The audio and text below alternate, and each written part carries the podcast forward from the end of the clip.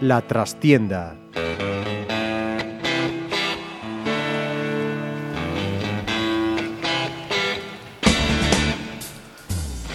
Saludos amigos, os habla Ramiro Espiño en nombre de todo el equipo. Comenzamos una nueva edición de La Trastienda en Pontevedra Viva Radio y en pleno proceso de renovación y preparación de la próxima temporada futbolística, hoy queremos darle voz a representantes de la grada, de una parte fundamental en este circo, dicho sea entre comillas, a la que se apela cuando las cosas van mal o se necesita de su apoyo, pero de la que tantas veces se olvidan o ignoran los que dirigen los clubs, cuando el viento les sopla a favor, claro.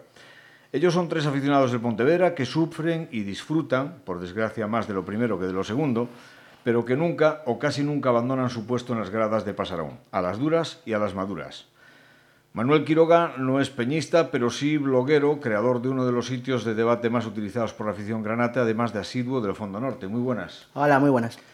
Pablo Cacheda, cineasta y peñista de referencia Granate. Bienvenido. Gracias. Más de lo primero de lo segundo. Ahora actualmente más de lo primero. y Kiko Alonso, eh, miembro recalcitrante de Unión Granate. ¿Cómo estamos? Bien, bien. Muchas gracias. Bueno, eh, arrancar, esto es una tertulia abierta, lógicamente, y me gustaría que conocer vuestra opinión sobre el Pontevedra, sobre la temporada realizada, sobre esa permanencia conseguida. Yo creo que con mucha anticipación sobre lo que se pensaba, con menos agobios de los que se pensaba, sin duda alguna, y quizá con ese regustillo amargo, porque claro, cuando el equipo está durante tanto tiempo tan arriba, luego el final pues deja quizá un poquito de, de, de pozo de decir, nos Hombre, gustaría todo, más, ¿no? Todos los equipos pegan bajones, le ha, le ha tocado al final, no hemos quedado para entrar en la Copa del Rey, pero bueno, yo creo que hemos hecho una campaña bastante decente, sabiendo que veníamos de tercera. Hombre, para mí la, la, temporada ha sido como un, un, globo, un globo que hinchas mucho, mucho, mucho y luego llega un momento que, que se desinfla y te quedas con la... con la con la sensación de que el globo que era tan grande al final queda chuchurrío, pero realmente para estar recién ascendidos de tercera creo que ha sido una, en general ha sido una temporada que, que es de valorar y que vale, que ha valido mucho la pena. Quizá un poco a nivel de, de ilusión, eh, ese globo del que habla Manu fue, fue algo curioso lo que pasó, ¿no? Porque justo en el momento ese en que estábamos en playoff, ¿no? Hay como una especie de ilusión que en cuanto se perdieron tres partidos seguidos, incluso a nivel social, a pesar de que estaba siendo una buena temporada, eh, parece que se desinfló, pero a todos los niveles, ¿no? Se dejaron como de hacer cosas. Ese último partido en el que se regalaban entradas, como esta es la última oportunidad. Y para mí fue una pena, para mí fue una pena porque incluso después se podían seguir habiendo hecho esas, esas iniciativas para poder, para poder seguir manteniendo esta, esta ilusión de quedar en un puesto para recién ascendidos muy bueno. ¿no? O sea, Hombre, yo el club este año tampoco le he visto nada que haya hecho a nivel social una gran campaña, no, no ha hecho nada, realmente no ha, no ha de, desde un principio no ha, no ha contactado con las peñas, a nivel social no está haciendo nada.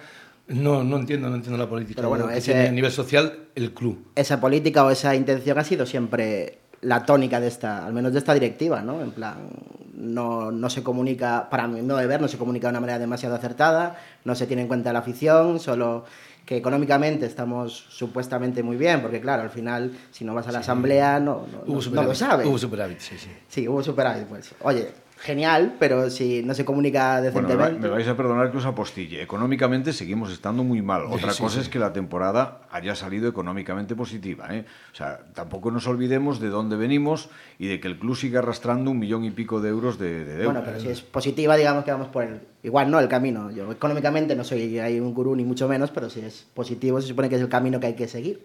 Pero sí, socialmente también el globo, cuando se deshinchó, la, la, la, afición sí que estábamos súper ilusionados, pero la, la, directiva estaba siempre deshinchada, en, al menos en, lo, en la parte social. Es que ha faltado, ha faltado el, el empuje ese que, que también siempre colabora, colaboraba antiguamente el club un poco, un empuje hacia las peñas, pero bueno, llevamos ya dos o tres años sin saber nada del club, las peñas, no es de extrañar que no hagan nada. Yo creo que es algo curioso lo que pasa a nivel de, de bueno, con el socio, con, con respecto al, a la información que tú tienes o dejas de tener, ¿no? El hecho de ir a una asamblea general te aporta información, pero si tú, por ejemplo, al socio de, de bueno, Pasarón... Junta General de Accionistas. Sí. Porque para ser exacto. Exacto. Eh, Si, si tú, por ejemplo, le preguntas a un socio algo tan, tan, tan básico, ¿no? Como saber cuánto cobra un jugador al mes, probablemente eh, la mitad de los socios te pasaron te dicen, bueno, puede ser esto, puede ser esto, pero nadie te sabe decir eh, el dato, ¿no? Un dato que se puede llegar a hacer el cálculo en un club de primera, se puede llegar a hacer el cálculo en un club de segunda, pero que son cosas que al, al socio, mm, hablo de lo que cobra por, por, por una cuestión de, de algo económico tan, tan pequeño como saber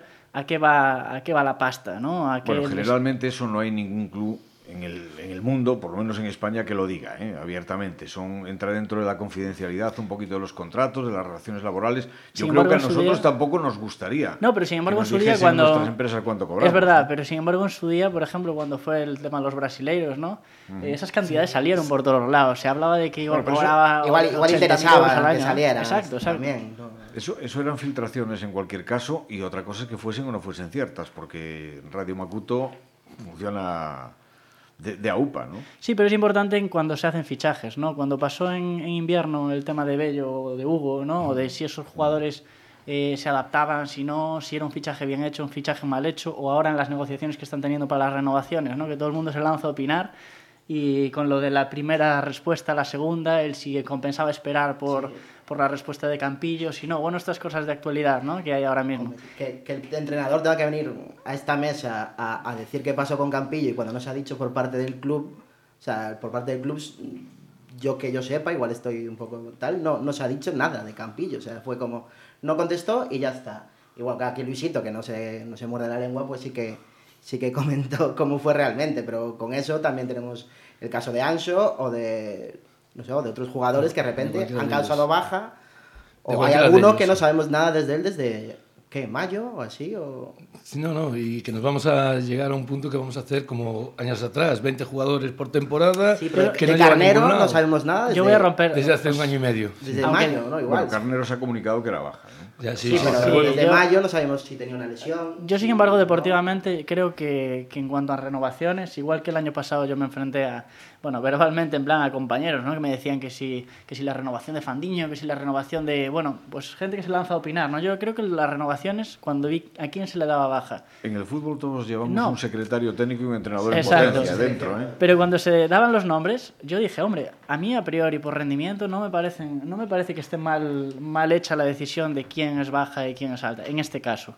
Otra cosa es que a la hora de renovar, pues prefieras que se queden unos o se queden otros. Pero a mí, mm, desde el principio, bueno, los nombres que se dieron no me pareció una mala decisión técnica deportivamente, a mí personalmente. ¿eh? Hombre, yo personalmente no entiendo tantos, tantas bajas. Si has estado el primer año que, que subes a segunda B, has estado manteniendo el equipo ahí en- entre los 5, 6, 7 primeros, si quieres ponerme, entre los 7 primeros, que has estado ahí, lo suyo es que, hombre, des alguna baja, pero traer un tío por posición un poco mejor de lo que tienes e intentar hacer equipo para pegar Sí, pero un el rendimiento, por arriba, ejemplo- si quieres hacer el salto arriba. Si no, estás haciendo 20 cambios a- Hombre, yo creo por que nos ha- temporada. Nos ha, pasado que las bajas se han dado todas de golpe y los, y los fichajes no, No- no- obviamente sí. no aparecen tanto, porque hay equipos que aún están en playoff, o bueno, aún siguen y, y realmente eh, se han dado, ha dado la sensación de que estábamos desechando todo lo que se todo lo que hicieron durante esta temporada. A mí personalmente la baja de Verdú igual sí que me fue un poco me, me chirrió la, bueno, la de Campillo por las Bueno, por se le las intentó formas. renovar a Verdú. sí. No, yo, a ver, eh, obviamente tengo la información justa, ¿no? Tampoco es que no nos faciliten desde el club las interioridades de las negociaciones y demás, pero del programa en el que estuvo, este mismo programa en el que estuvo aquí Luisito y el que le hicimos la entrevista, eh, a mí me dio la sensación de que ahí había problemas no deportivos con Verdú, ¿eh? De la respuesta que él dio. Dijo que era, asumía él la responsabilidad, que, que bueno, que, que- que buscaba otras cosas y que Verdú, pues, no le, de alguna Yo- manera no le convenció su, Yo quiero su imaginar- rendimiento. No sé si toda la temporada o al final, no lo sé. sin conocer para nada la información de, de primera mano, yo quiero pensar que a lo mejor cuando estos jugadores llegaron, eh, igual se les dijo que si su rendimiento era óptimo, eh, pues las condiciones que ellos en un momento daban un esfuerzo que hicieran económicamente, que podían mejorar y a lo mejor eso no pasó. No sé si a lo mejor va por ahí el hecho de cada uno en concreto, decir, oye, es que los objetivos se cumplieron y con y con una solvencia importante. Se dijo esto y no se cumple. No sé si a lo mejor puede ir por ahí. No sé, hombre. Yo sé que algunos jugadores a lo mejor también le, le, dieron la renovación de un año más por haber ascendido y ahora pues no cuenta con ellos. Ya, yo qué sé, no lo sé, no, tampoco lo sé porque realmente no sabes nada, no, no te informan de, todas formas, de nada. Os voy a decir una cosa en cuanto a, por, por ir eh, atajando un poquito la, las cosas que habéis puesto sobre la mesa, que me parecen todas muy interesantes, pero con respecto a la cantidad de bajas, ¿no? Realmente, si os paráis a pensar, la idea del club, y no es por defender a nadie, que yo no estoy aquí para hacer de abogado del diablo, ¿no? Pero en principio Luisito pretendía quedarse con 13 jugadores, 13 de 20. O sea, contando, bueno, además Miguel Ureiro, que estuvo entre filial, primer equipo y demás. Bueno, no es una mala cifra. Si se quiere dar un salto de calidad, traer siete jugadores es evidente. El equipo se ha visto que este, este equipo se vino abajo porque la temporada se hizo larga y porque en un momento determinado jugadores básicos hubo la mala leche de que se lesionaron al mismo tiempo prácticamente Mourinho, Alex Fernández, Kevin Presa y el equipo se resintió sí. notablemente. Bueno, y Carnero ¿no? como referencia ofensiva de principio de temporada que hemos quedado sin gol durante toda la temporada. Eso eh, sin gol y sin una... alternativa, sin variantes. Exacto, había veces que hasta tenías en la grada, es curioso, con Borjas como un rollo de, joder, es que hace lo que puede, ¿no? O sea, es un echarse a la espalda todo el gol en un, jugador como Borjas y dices, es que este equipo era, era para lo que era. Y yo creo que hubo un punto muy curioso a nivel social, incluso prensa, ¿no? De decir que la grada exigía, exigía algo cuando yo personalmente iba a Pasarón y la sensación que tenías en la era de agradecimiento al sí. equipo. O sea, y luego leías en, eh, muchas veces en prensa ¿no? que, que, que, la grada exigía ¿no? el playoff y Luisito salía a las declaraciones que te hacían hasta gracia, ¿no? porque yo decía, si aquí sale el equipo aplaudido prácticamente en todos los partidos. Bueno, al menos esa era la sensación que yo tenía con respecto a, a todo lo que venimos viviendo en años anteriores, donde a poco que el club no empezaba a tocar como si fuera el, el, el Barça, eh, se le silbaba, ¿no? La sensación que yo tuve esta temporada fue ver, completamente es que, distinta. Yo me vais, a, me vais a perdonar, vosotros lo diréis mejor porque estáis metidos dentro de ella, ¿no? Yo cuando se habla de la grada de Pasarón, yo haría distintas gradas. O sea, hay, no todas son iguales, pero sí que en general hay una grada eh, muy crítica, de siempre, no es de ahora. Históricamente, antiguamente era preferencia, ahora quizá es un poquito más tribuna, ¿no? Que eh, lo mismo aplauden que, silban a las primeras de cambio. Y, repito, siempre salvando las excepciones. Y luego hay otras gradas incondicionales, como son las que vosotros pisáis habitualmente, la de norte fundamentalmente, que anima, que arrastra, que intenta en cualquier caso estar siempre del lado del equipo, ¿no? Pero incluso ahí, Pero las sí temporadas que... anteriores, mm. en Norte, eh, veías sí. muchos silbidos. Que la gente... en tercera división era Sí, una... pero incluso en segunda B, aquel año donde, donde el famoso Yuri con, de, del momento del, del dedo, ¿no? Sí. Del dedo a la, a la grada que decías, ahí sí que había, aquello sí que era hostil y decías, vaya, vaya temporada esta, horrible en la que quedamos de octavos y aquí hemos quedado de, de, noven, de, de novenos finalmente, ¿no? Y, y decías, para mí el ambiente es que no tiene nada que ver. Lo de tercera sí que era Hombre, sangrante. Hay una cuestión muy clara y muy diferente, ¿eh? diferenciadora más que diferente. Aquel equipo con Yuri y compañía costaba 10 veces más que este. Sí. O sea que tampoco se le podría exigir lo mismo, ¿no? Está claro. Pero yo en artículos, y, y sí que he visto de decir, no hay esa caña que transmitió Luisito el día, de, el día del Corucho desde la grada. No hay esa caña de la necesidad del playoff. En cuanto nos empezamos a desinflar, la gente no, no exigió eso. Yo, es la sensación que yo tenía estando en la grada. Pero bueno, porque también ves al equipo que, que también le pone lo que hay que ponerle, ves a un tío en el banquillo que, que no para ni un segundo, que si se quita la chaqueta, que si la tira, que le ves más intensidad al equipo y al entrenador. Entonces, yo creo que la gente dice, bueno, pues por lo menos ponen lo que tienen que poner y, y hemos perdido, hemos perdido, pero por lo menos han jugado y han luchado. ¿Tenéis la sensación de que vosotros, esta grada, esta afición, eh, que es magnífica, entiendo, ya la quisieran por ahí adelante otros, porque yo se lo decía a Luisito y lo reconocía, ¿no? que a ver dónde se meten 12.000 personas en un partido de tercera división, como el año pasado para el ascenso. Ya vemos a otros luchando por bastante más, e incluso en primera división, y no tienen esa cantidad de aficionados. Pero que efectivamente esta afición, exigente en muchos casos, sin embargo, es sumamente agradecida y lo que pide por encima de todo es que alguien se deje lo que tiene en el campo. Cuando ve a un jugador habéis puesto el caso de Borjas Martín, no hizo nada excepcional en cuanto a lo que aquí se puede pensar o desear o lo que sea, pero en cada partido no dejaba de correr y de trabajar para el equipo. Y, y lo daba todo, sí. Y con eso, la estaba en todos lados, un tío yo, que... Yo estoy de acuerdo con Pablo que no, no, no se ha protestado, siempre se ha, se, ha, se ha, aplaudido el equipo al final, siempre se ha valorado todo el esfuerzo. Quizás igual los nuevos fichajes que se trajeron en diciembre, Hugo, Bello, que sí que se esperaba muchísimo más de ellos, al final no funcionaron, ya sea porque no estaba... Para mí Bello no hizo, una, no hizo un, mal papel, no Hugo, no se adaptó, pero igual para lo que era para lo que se les traía, ¿no? que eran como un pasito más de calidad, mm, que se les veía que tenían, pero o no funcionaban dentro del esquema o no estaban en su mejor momento. Pero yo, sinceramente, creo que la presión que se ponía Luisito se la ponía él mismo, igual algunos artículos como tú mencionas, pero o, igual la presidenta, que siempre tiene ella la objeción, como siempre dice, que tiene la objeción de que cuanto más arriba mejor, o ascender, o así, pero claro, nosotros era, somos recién ascendidos de tercera, si llegamos cuanto más arriba mejor, nos metemos en el playoff, pues estupendo. ¿Y no creéis, no creéis que esa arroutada de Luisito, porque él lo reconoció, que fue un arranque de, de genio en Corucho, fue una manera, de alguna forma estudiada, preconcebida, de sacarle presión al equipo de encima para que nadie dejase volar y, Pero para qué sirvió esa, para qué sirvió eso, ¿no? Yo creo que esa falta de presión, o sea, el equipo evidentemente de puertas para adentro la gente sabe la gente sabe lo que sabe. Yo no voy a, a, la junquera a ver la presión que tienen los jugadores. Yo sé lo que ellos expresan en el campo y ahí había una tensión competitiva que a lo mejor pues incluso a raíz de eso pues incluso se perdió no no hay ningún problema no haber alcanzado el playoff no pero pero dices tú, ¿hasta qué punto compensa, no? Hacer esa... Bueno, tener ese... Eh, fue un arrebato, evidentemente, y, y, él ya dijo que en su momento no lo habría hecho, ¿no? Pero yo creo que no había tanta, tanta, tanta presión como el transmitió. No, él dijo que seguiría haciéndolo. Lo que dijo es que no diría los tacos, porque salieron por la tele, ¿no?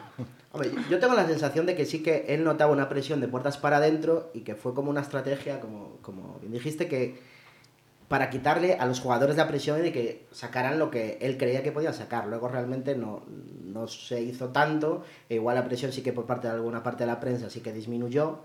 Me acuerdo de una anécdota. semanas, pero no... no... solo la prensa, hay, hay, gradas que, lo que decía antes Ramiro, que hay gradas que sí te. Me acuerdo de una anécdota en Corucho. Me acuerdo de una anécdota en Corucho, que estando en la grada, cuando marcó el gol Hugo, hizo el gesto este, y me acuerdo de hasta 20 personas alrededor preguntándose el porqué de ese gesto. Mm. Nadie lo sabía. O sea, realmente toda esa presión interna de la que hablamos, que incluso Hugo tendría sus motivos o tal, la gente que estaba en la grada de Corucho no lo sabía. O sea, igual que en otros momentos ya estarías al corriente de, de por qué este tío, como en su momento Yuri, eh, hizo ese gesto. ¿Sabes qué pasa, Pablo? Eh, Pasarón tiene momentos de semisilencios, ¿no? Y tiene una sonoridad importante. Entonces se escucha muchísimo. Como un jugador esté pendiente o lo que sea, yo te puedo asegurar, suelo, estoy casi por mi posición de, de, trabajo en el campo y tal, detrás del banquillo que ocupa Luisito, y hay un individuo allí que la de cosas que le dice todos los domingos es que vamos, para grabarlo y después ponerse y decir, mire, este es usted.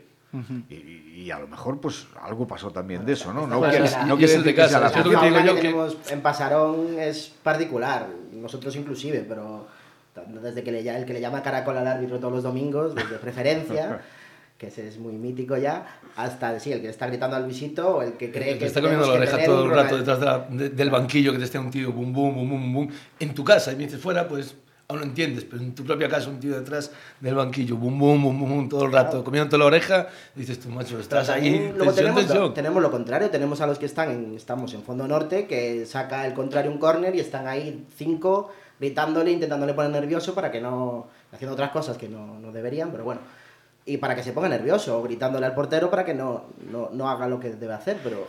Cuando, cuando se habla así en plan bares, ¿no? con la gente que estuvo en la, en la época justo antes de empezar con los playoffs de, de, de, bueno, los más recientes, ¿no? y hablan de la complicidad que había entre jugadores y, y, gente, ¿no? que se rompió un poco, bueno, Kiko es de los que dice esto, ¿no? Eh, y que ahora, con el ascenso, que se empezó como a medio recuperar, yo creo que hay un, hay un punto que que está bien, que es que no se deberían de distanciar y volver un poco a lo que teníamos, sino que esa cercanía que también hubo en el equipo del ascenso, de que los jugadores vayan aquí a los bares, que, interactúen con la gente. Quiero decirte, hay un, hay un tema en este equipo que sí que, por ejemplo, con la renovación de gente como Edu, eh, de gente que sabes que podría estar en una categoría superior y ves que hay una renovación por, por, motivos personales o por lo que sea, ¿no? Pero que al final ves que hay una implicación de los jugadores, que eso es algo que, que se debería de mantener en la gente que viene. y que a lo mejor, por ejemplo, en los fichajes, pues tampoco se vio tanto y la gente los vio como una especie de, de, de extranjeros. Entes extraños. De ¿no? extranjeros que Sí, llegaban. sobre La todo verdad que es sí. extraño porque la presidenta siempre dice que quiere gente que se comprometa, que quiere venir al Pontevedra. Es una de sus frases. Nosotros buscamos gente que quiera venir. Y luego ves algunos, que tiene- yo comparto tu opinión, Pablo, de que no, no hay ese, ese feeling con la, con la, No, con era, la afición. era con la grada. distinto. Lo- Los, antiguamente se relacionaban más, los veías más por la calle, hacían más cosas. Yo qué sé, había otro, otra historia con los niños y todo, y no, no lo ves. ¿Y no no me acuerdo un año. Un ¿Y no año- creéis que esa ha podido ser la razón de algunas de las bajas? Pues puede ser. Yo creo que el- entre, entre eso. Por encima del rendimiento deportivo incluso. ¿eh? Yo creo que el aficionado, eh, cuando vemos las renovaciones, eh, está pasando algo muy curioso que es que nos alegramos, ¿no? No es eh, un punto de, ostra, este es muy malo y, y vuelve, ¿no? Sino que, ostra, este se queda con nosotros, ¿no? Esta sensación de, de casa, ¿no? Claro, Del del lo- equilibrio sí, que que se escape, lo que que interesa. la temporada se ha valorado. Porque, porque, pero es lo que te digo, tú valoras a los jugadores, pero si los jugadores realmente no tienes el- el- la relación que tenías con otros, ¿sabes? Antiguamente se tenía una relación más personal con los jugadores. Los jugadores venían, hacías una cena, iban, hacías cosas, porque también el club colaboraba en eso, cosa que ahora no, no está haciendo con las peñas. Entonces, tú veías que había más, más rollo entre los jugadores y la afición. Entonces, es distinto. Ahora no tienes, no... Tú ves a un jugador del Pontevedra por la calle y a lo mejor ni lo reconoces. Y tú, hostia, si no va de granate no lo, no lo conozco. Es que ha habido jugadores que a lo mejor, o sea, bajas, ¿no? Que, que es posible que sí hayan dolido, porque sí que demostraron que querían y querían estar en el Pontevedra. Y me refiero, por ejemplo, al caso de Ancho, que en su momento dejó otras ofertas que tenía porque su ilusión era jugar aquí, ¿no? Pero sí que es cierto que hay otros que, bueno, que estaban aquí un poco como de paso, como que este no era su, su, su punto de destino, ¿no? Por lo menos su punto de destino deseado. El Pontevedra ha querido fichar a jugadores que han optado, están en su perfecto derecho, por, por vestir otras camisetas, cobrando lo mismo o, o un poco más o lo que sea. Y en ese sentido os pregunto, yo creo que es buena la política que creo que, que, que está intentando seguir el club, ¿no? De buscar que los jugadores deseen venir al Pontevedra. O sea, no, no, estén, no entren un poco en ese mercadeo de a ver si por 100 euros más o menos me voy para aquí o para allí. Sí, hombre, está claro que lo primero que nosotros queremos es que los, los jugadores quieran jugar en el Pontevedra, porque sabemos que si vienen a jugar al Pontevedra van a darlo todo. Pero también queremos una, una, lo que estábamos hablando, una relación con ellos. Porque si vienen, lo ponen la foto ahí y no, no sabes nada más, muy bien, quiso venir para Pontevedra, pero Yo creo que a nivel social se piensan a veces eh, cosas. De hecho, cuando teníamos el tema de la. Bueno, pues tanto de Unión Granate en su momento, como después eh, la intención de que las peñas se volvieran a juntar, etcétera. Las iniciativas que se hablaban en esas reuniones eh, pasaban por esto, ¿no? Por, eh, por eventos que, que hagan que el club se sienta, que las personas se sientan más identificadas con el club, ¿no? No más que irse a desplazarse o no sé qué. No es algo tan puntual, sino que esa unión que sí que hay en las fases de ascenso, por ejemplo, porque se hacen cosas, ¿no?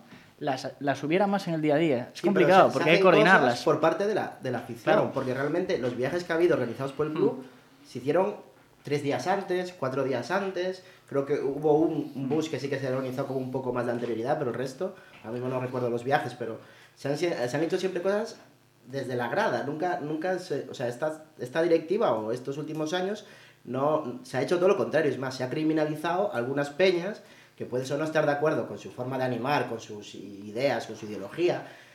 Furia ha desaparecido en parte por esa presión, aunque no sea públicamente igual no se ha reconocido tanto, pero también con Mocidades o con Fosa.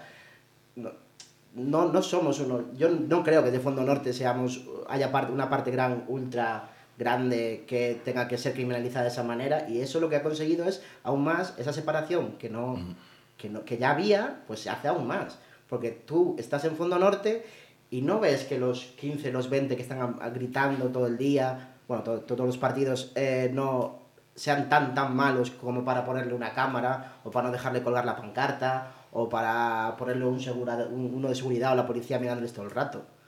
Entonces ahí eh, eh, mi mayor crítica realmente es a lo social y a la comunicación de que no sabemos qué pasa en el club. Y siendo una ciudad tan pequeña como es Pontevedra, tenemos esa sensación de que, que todos nos conocemos, Pontevedra es un pañuelo, y, y que nos gusta más la familiaridad que tenía antes el club de la que tiene ahora, que no, que no, para mí no existe yo, prácticamente. yo creo que es una brecha eh, compleja. Eh, y creo que ahora mismo también, aunque yo soy partidario de que se tienen que hacer más cosas socialmente, creo que ahora mismo la brecha también es al revés. También yo creo que cualquier cosa, cualquier cosa que haga el club, hoy por hoy está tan enrarecido el tema que es difícil que haya una implicación como la que hubo en su momento para hacer cosas todos juntos. Y de hecho hay una cosa que hemos optado todos eh, cuando estábamos en la parte de las peñas de decir, nosotros hacemos lo nuestro, pero sin el club. Y esa frase la hemos repetido mucho, ¿no? Y al final, al final de todo es triste, al final de todo es triste, pero ya está de esa manera. Entonces es complicado porque hay que hacer una serie de pasos, de iniciativas, de muy poco a poco, temporada tras temporada. Hablábamos mucho de lo de los colegios, que se hizo muy puntualmente este año. Y es una cosa que para mí tiene que hacerse siempre. Y realmente pasa. yo, yo, te pongo un ejemplo. El Teocro este año lo hizo, lo de los colegios. Y todos los partidos tenía colegios allí. 200 entradas en colegios, todos los días. Y, y daban, no como el Pontevedra, que el Pontevedra daba a los niños. El Teocro estaba dando a un niño y a un padre. Pero iban los dos, los dos padres. Uno pagaba. Sí, pero me vais a permitir que haga un poco de Pepito Grillo, ¿no? Y que os tire cariñosamente las orejas bien está que vosotros exponéis vuestra postura y vuestro, vuestro pensamiento con respecto a que si la política social del club no es la adecuada, pero yo sinceramente tampoco veo que desde la federación, agrupación o como se quiera llamar de peñas, también ha desaparecido. Se desanimó mucho y ahí creo que hay que hablarlo. Se desanimó mucho la cosa con respecto a, hace dos años y, hace, y el año pasado se hizo un esfuerzo enorme por quedar prácticamente cada semana. Yo estaba entre ese grupo, Kiko también se hizo un esfuerzo eh, que nos quemó un poco a todos de decir, ¿nos está compensando realmente este esfuerzo? Porque no, no, no había ese retorno y probablemente si ahora se hiciera otra vez sí que lo habría. ¿Por qué? Porque también estamos en segunda pero vez. Eso se de corazón. Yo creo que eso, no, eh, la única, la única compensación que tienes es que lo, no, ah, pero, no, la llevas dentro, no, era, no es una compensación económica. Hablo de una compensación, hablo de una compensación de, de, de, de, de retorno en grada, de que vaya más gente, de que se valorara eso como una iniciativa externa. Eso pasó y, y, ahora mismo la gente se desinfló mucho, yo incluido, Kiko también, hasta el punto de decir, nosotros vamos a ir a pasar todos los domingos, seguimos yendo, toda esa gente sigue yendo, ¿no? Pero hasta qué punto nos está compensando agruparnos porque no estamos consiguiendo nada a nivel social, que esa brecha de la que hablo yo creo que debería de, en algún momento y poquito a poco, mm, dejar de estar, pero las posiciones son difíciles más con cosas como las que pasaron este año con respecto a las peñas que se acababan de formar, ¿no? Claro, la gente que estábamos antes y dijimos, realmente nos estamos sintiendo identificados con este esfuerzo, como tú hablabas de Referencia Granate. Referencia Granate fue una peña que en realidad soy yo hoy por hoy, pero fuimos 20 personas. Y, el esfuerzo que a mí me suponía eh, llamar a esas 20 personas, etcétera, etcétera, llegó un momento dado en el que dices, individualmente, yo voy a ir a pasar no voy a dejar de apoyar al equipo. Pero a nivel colectivo es muy difícil hacer cosas mientras haya esa brecha. Y yo soy partidario de que creo que poco a poco esa brecha debería de de limarse. Y eso, desgraciadamente, también ayuda a los resultados deportivos, las cosas como son, la gente se anima más. Influye mucho los resultados deportivos, pero también te influye de que si, no te está, si tú quieres hacer una cosa, te ponen una traba aquí, te ponen otra allí, y son siempre los mismos. Y son siempre, vienen todos del mismo lado. Y no te hace más que poner trabas. Luego, una peña, resulta que peña para el club solo consta las personas adultas dentro de la peña. Y cuando tú vas a la xunta es, da igual que sea un jubilado, que sea un recién nacido, un peñista, da igual que sea. Yo creo que es un problema de diálogo, alguien tiene que dar el primer paso.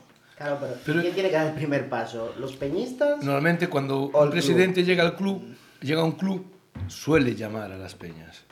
Hubo un momento que el señor Mauricio llamó y nos cansó tantos que dijimos, pues no. Creo que... Ha entrado otra presidenta. Yo, mi teléfono sigue siendo el mismo de hace 20 años. A mí no me llamó. Yo no sé, Pablo. Creo que el tema de. los demás, pero evidentemente, hay donde nos desinflamos, ¿no? A nivel colectivo, en cuanto a peñas, nos desinflamos, eso es, eso es, una evidencia. Pero a nosotros nos minaron a cada uno ciertas cosas que pasaron. Entonces, yo creo que cuando te preguntan, ¿no? Yo me acuerdo de una reunión de directiva actual, de las que, bueno, recién llegada la nueva, justo antes de llegar la nueva directiva, en la que se expusieron en la misma mesa los problemas que a nosotros nos habían minado. Yo hablé del mío en particular, en este caso con, con Mauricio, una, de, una de, de muchas, ¿no? Que tú querías arreglar cosas a nivel social o aportar cosas a nivel social y la nueva directiva tampoco estaba al corriente de todo lo que había de todo lo que se había quemado antes. Entonces a la hora de plantear una nueva tú dices, una nueva iniciativa, ¿no? Me compensa, eh, me compensa el esfuerzo que yo estoy haciendo, dedicándole horas Evidentemente la directiva también tiene, tiene ese tiempo y también lo dedica al Pontevedra, Pero, etcétera, no, pero no etcétera, creéis que hay que pasar página ya, porque la etapa de Mauricio yo creo que Sí. Sí, de, sí. de las pocas Pero- cosas reales y ciertas que se dijeron en, Mm. en- en mucho tiempo, o una de ellas, vamos, fue cuando alguien dijo es usted el peor presidente de la historia del Pontevedra. Yo estoy convencido de que es así y de, y de que fue así. Eso se le dijo en una Junta General de Accionistas y, a- y así consta, ¿no? Pero es que además pasará a la historia, desgraciadamente, negativamente, por ser el único presidente que yo sepa, y creo que la memoria no me falla, que llevó al juzgado a sus aficionados. Sea, no había sucedido nunca. Por eso yo creo que lo Creo mejor. que en es ese sentido hemos pasado pasar página, hemos pasado Yo- yo creo página sí. todos con respecto a Mauricio. Y creo que hay gente que entró ahora mismo con la ilusión que nosotros entramos en un momento dado, que debería de tener ese apoyo que a nosotros ya, eh, bueno, pues todos los que estamos en pasar no sabemos que estamos desinflados. Es difícil que eso se vuelva a inflar más que yendo y siguiendo, yendo y cogiendo a tu gente y mandándolos a pasarón, que es lo que hacemos nosotros a nivel particular. Pero creo que esos chavales, ¿no? Igualmente que los chavales que vienen de los colegios, es ahí donde tienen que ver que compensa ir al, al campo, que les gusta ir al campo. Y es ahí donde hay que atacar, ¿no? El intentar resucitar antiguas federaciones de peñas a gente que ya llevamos un tiempo, que no vamos a dejar de ir, para mí ahora mismo no tiene mucho sentido. ¿Qué pasa? Que creo, creo que todo el mundo es consciente de que motor de esas cosas son cuatro, ¿no? Y Es que la masa social ha aumentado, eso, eso ha dicho no, no hace mucho la- el Consejo de Administración, ¿no? Pero sin embargo el movimiento de, de peñas, que suele ser siempre el más activo en cuanto al apoyo, en cuanto al ánimo desde la grada, al aliento, al equipo y demás, pues yo creo que se ha venido desgraciadamente muy a menos. Y una prueba mm, que a mí particularmente me entristeció mucho fue al día siguiente del ascenso contra aquí cuando, cuando jugamos aquí contra el Aro Deportivo y en la Plaza de Pedreira había poco más de 200 personas. Cuando los ascensos que yo recuerdo, y los recuerdo casi todos desde la Puentecilla, que estuve allí, ese no me acuerdo porque tenía muy poquitos años, cuatro, pero, pero todos los demás es que había 20.000, 25.000 personas en la calle. Y dicen algunos, concha, es que era un ascenso de tercera, hombre, y el de Eibar también era un ascenso de tercera. Y Claro, había pero, 25.000 eh, personas. Eso demuestra la brecha que hay entre, Entre la afición el- y el club. y el club. Que la gente no le apetezca ir. Yo no pude ir porque estaba en otra comunidad autónoma, pero eh, es, la, es, es que hubiera tan poca gente, es lo, lo normal. Y, lo, y además, esa, si no recuerdo mal, eso se planeó en tres horas.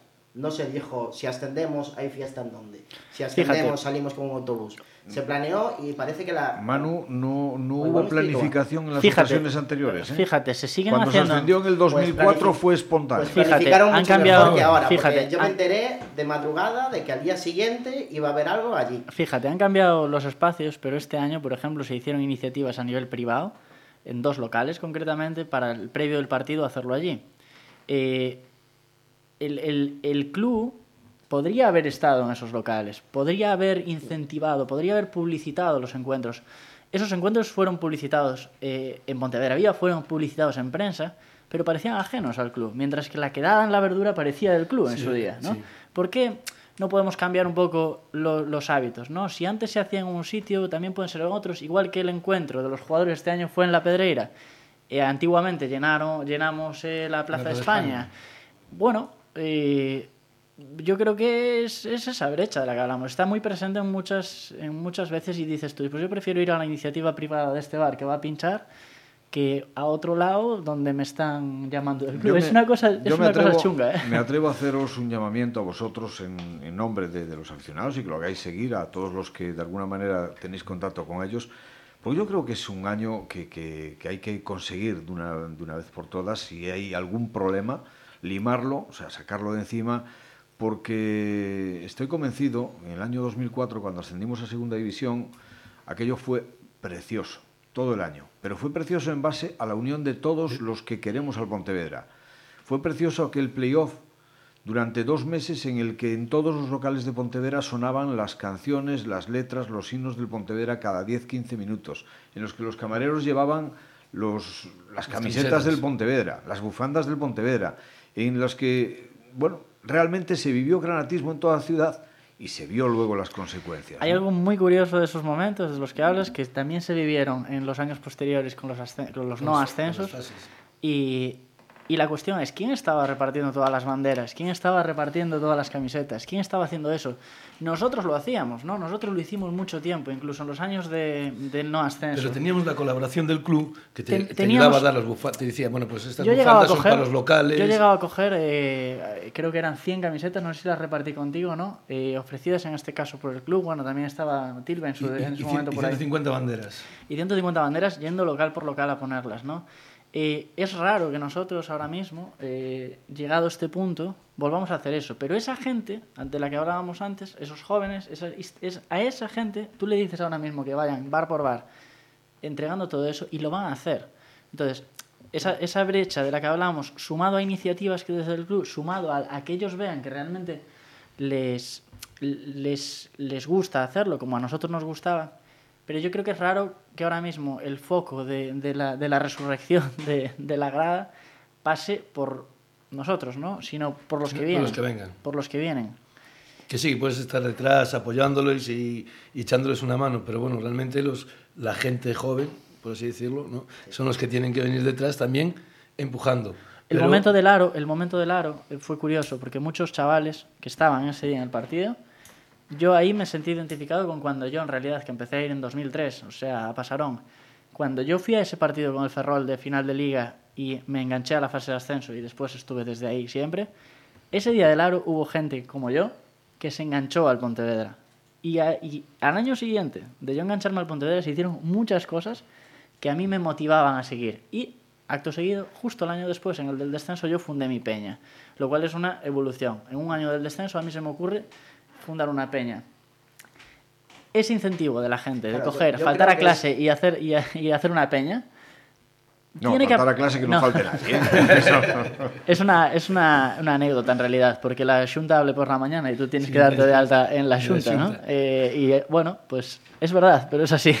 A la hora de dar una peña de alta en estatutos tienes que hacerlo o por lo menos coger el yo recreo creo y un que- poco más. Pero el caso es que eso tiene que volver a pasar. Y en la oportunidad que tuvimos este año con el ascenso del Aro y la cantidad de gente que fue en esa fase de ascenso a los tres partidos, este año tenía que haberse aprovechado. Y yo espero que vengan años mejores deportivamente porque será otra ocasión que tengamos de meter a más gente en Pasarón. Yo creo que el año que viene va a haber la misma gente en Sí, Pasarón. pero no tenemos, yo creo que no tenemos que esperar a que el año sea mejor, sino que tenemos que intentar hacerlo mejor entre todos.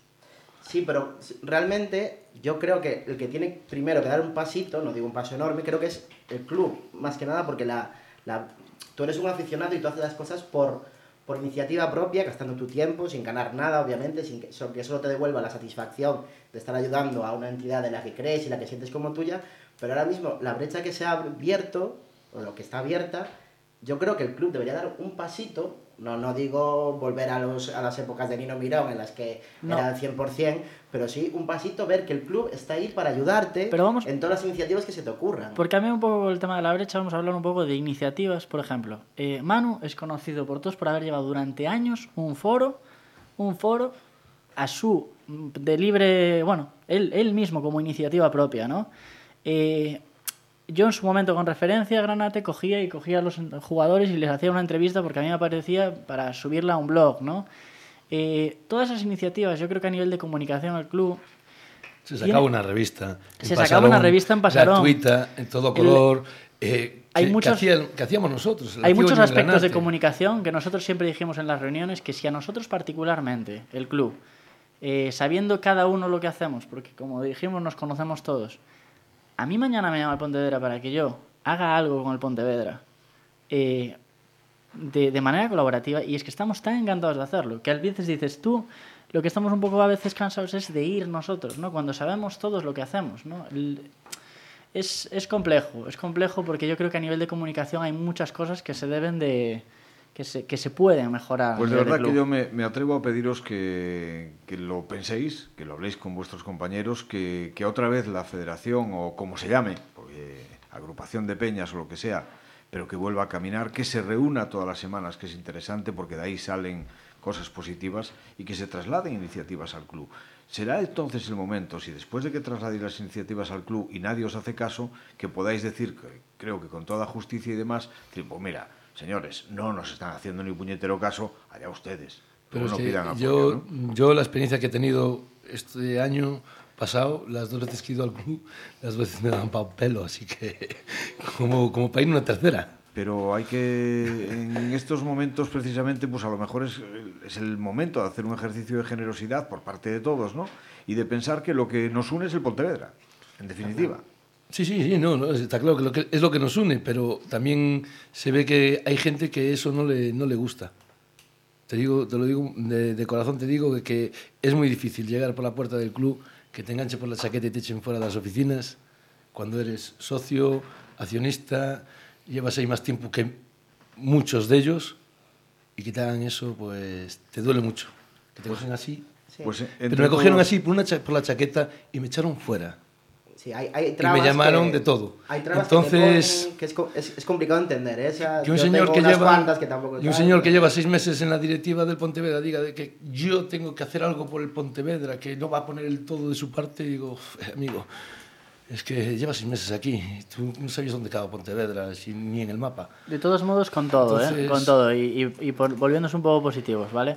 Eh, yo digo lo mismo. Creo que ahora mismo hay una, una masa eh, social de gente joven eh, que debe de tener especial, cuidado y especial cariño porque, nosotros llegamos con, una ilusión que ellos no pueden perder al segundo año. De hecho, a mí me dio pena en el caso de Mocidad y, creo que puede ser una sensación de mucha gente como realmente de un grupo, en base a, a todos los problemas sabidos, ¿no? cómo realmente eran mucho más voluminosos al principio que al final de la temporada. Incluso en los partidos de jugársela eran mucho menos eh, voluminosos, lo cual hace que haya gente que haya dicho, mira, a mí esto... Y cualquiera diría, pues ese aficionado no nos interesa. Pues sí, eh, interesa. A mí me han dicho después de, no en este caso esta directiva, pero se me dijo en su momento que si los 20 que éramos en referencia a Granate no querían ser y no querían estar con el Pontevedra, pues allá ellos, no eran los aficionados que nos interesa. Yo dije, sí, esta gente fue cinco años, ¿no? ¿Por qué no puede volver esta gente? Y podemos volver a ser 20, donde ahora somos uno, ¿no? Eh, tienen que ver que, eh, bueno, y ahí deportivamente es evidente que, que ayuda el hecho de tener buenos resultados, pero todos nosotros queremos, yo el primero, que vaya, que vaya más gente. Lo que pasa es que no creéis que a veces pasa en el movimiento peñista ¿no? y grupal, eh, suele suceder, aquí también sucedió, con el ascenso a segunda y demás, en las que se infiltraron determinados elementos subversivos que luego hicieron que pagasen justos por pecadores. O sea, y que de aficionados tenían muy poquito. Fíjate a nivel social, ya no solo, eh, sino en descuentos. Eh, yo, por ejemplo, cuando se hizo la iniciativa de tú eh, como socio coges una entrada y coges tres a un precio de un euro o de dos euros, no me acuerdo cuál era, toda esa gente de la que yo te hablo que estaba en la peña vino, volvió. Esas son las iniciativas que sin, que sin enmarronarte demasiado, son las iniciativas que deben hacerse por partido, porque rescatas masa social y enganchas a la gente de Sí, nuevo. pero- O la Eh, iniciativa del sal- Corazón Granate, pero- que, que pero- yo, soy- yo fui parte, que fue hace tres años, que pagabas, eran tres años por adelantado, Sí. pero fue dos semanas. Entonces, bueno, fue por unas Eh, causas económicas y tal, pero... Es- eso lo hice yo y me dijeron de que me aproveché del club. Entonces dije, hombre, yo en, en su momento lo hicimos en mi familia ocho personas y fue por ayudar al club. Claro. ¿Qué pasa? ¿Que nos hemos beneficiado? ¿En qué, macho? Pero, si pero hemos soltado repito- tres años por repito adelantado. que si alguien particularmente dice algo absolutamente inadecuado, lo que yo creo que hay que, o sea, hombre, no evidentemente callarse, ni mucho menos, pero sí que ponerle en su sitio y, y obviarlo porque está claro que, que no, no sabe, algunos no saben lo que es la historia de este club, ¿no? Bueno, pues la persona que me dijo, pues y sí en, me debe mucho. y en este, en este, en este club eh, muchos son los padres, entre comillas, de, de que se mantenga vivo, porque si algo sabemos en el Pontevedra es de pasar penurias. Durante, durante muchos años, porque claro, luego luce el hay que roelo, el hay que roelo, el hay que Sí, roelo. pero a veces Y- echas en y eso falta- ha sido un- una etapa muy cortita de los 75 años de historia del club. Exacto, y yo creo que hay una parte que es posterior, que está sin hablar todavía, en la que mucha gente hizo esfuerzo, eh, que todos conocemos, ¿sabes? La gente que estaba en esas, en esas peñas, en esas federaciones, etcétera, y yo creo que falta un poco también de reconocimiento de lo que se, de lo que se hizo, ¿no? Yo no digo de hacer un homenaje ni, ni de que...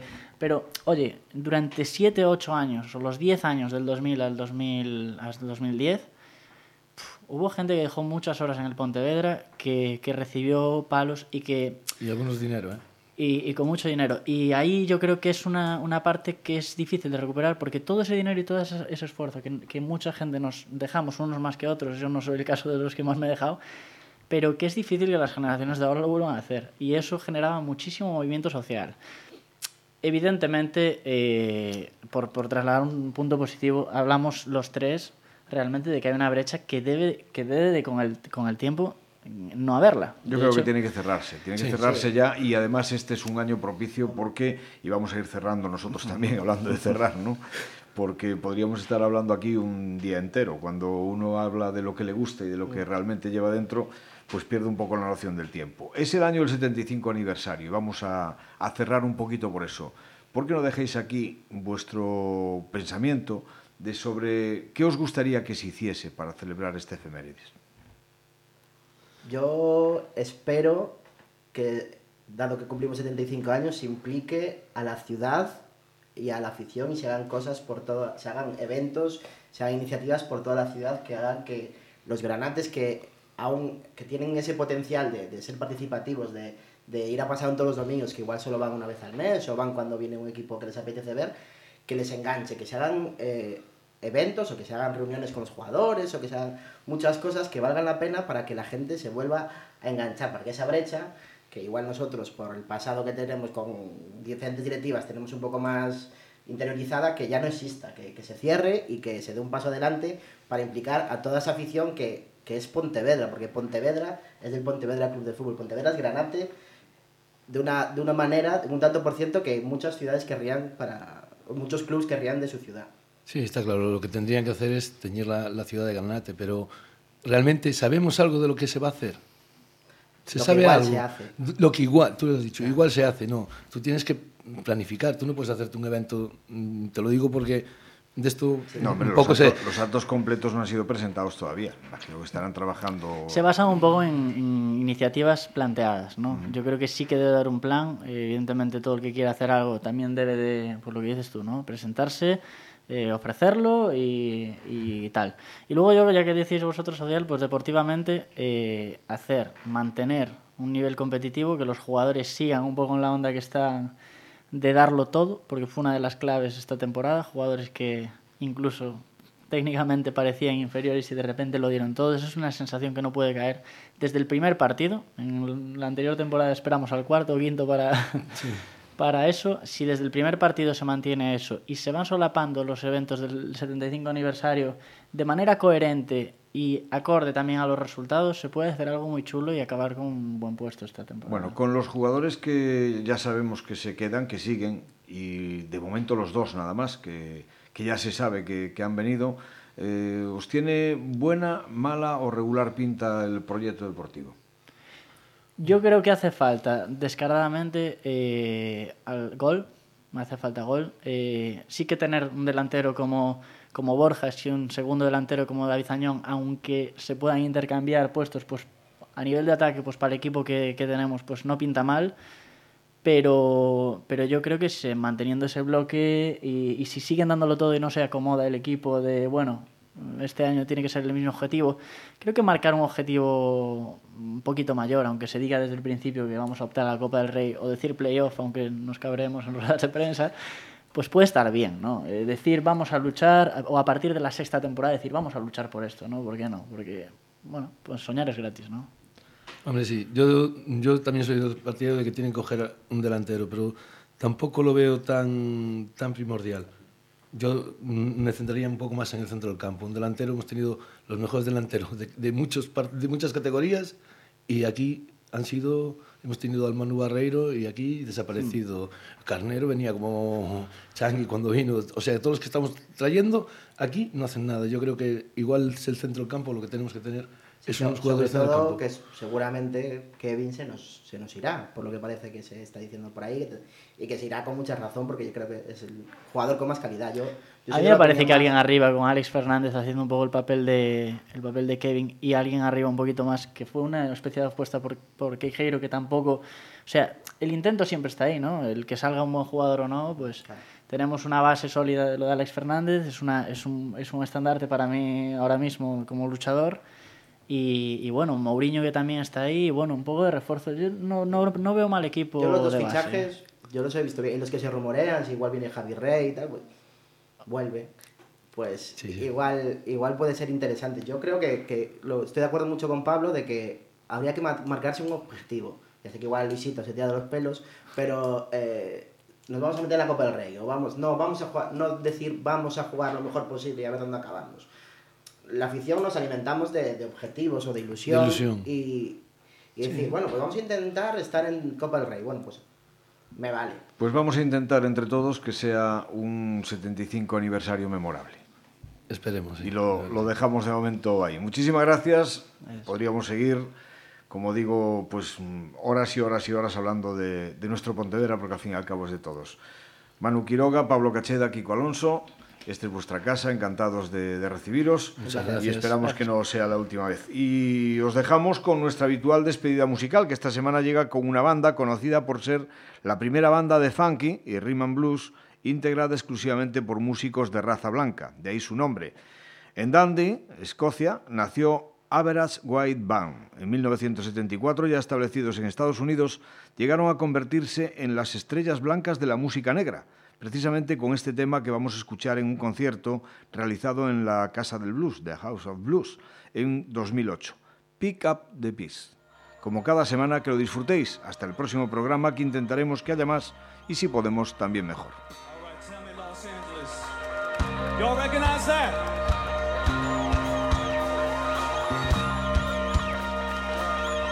You know tonight's being recorded, so you gotta make some noise.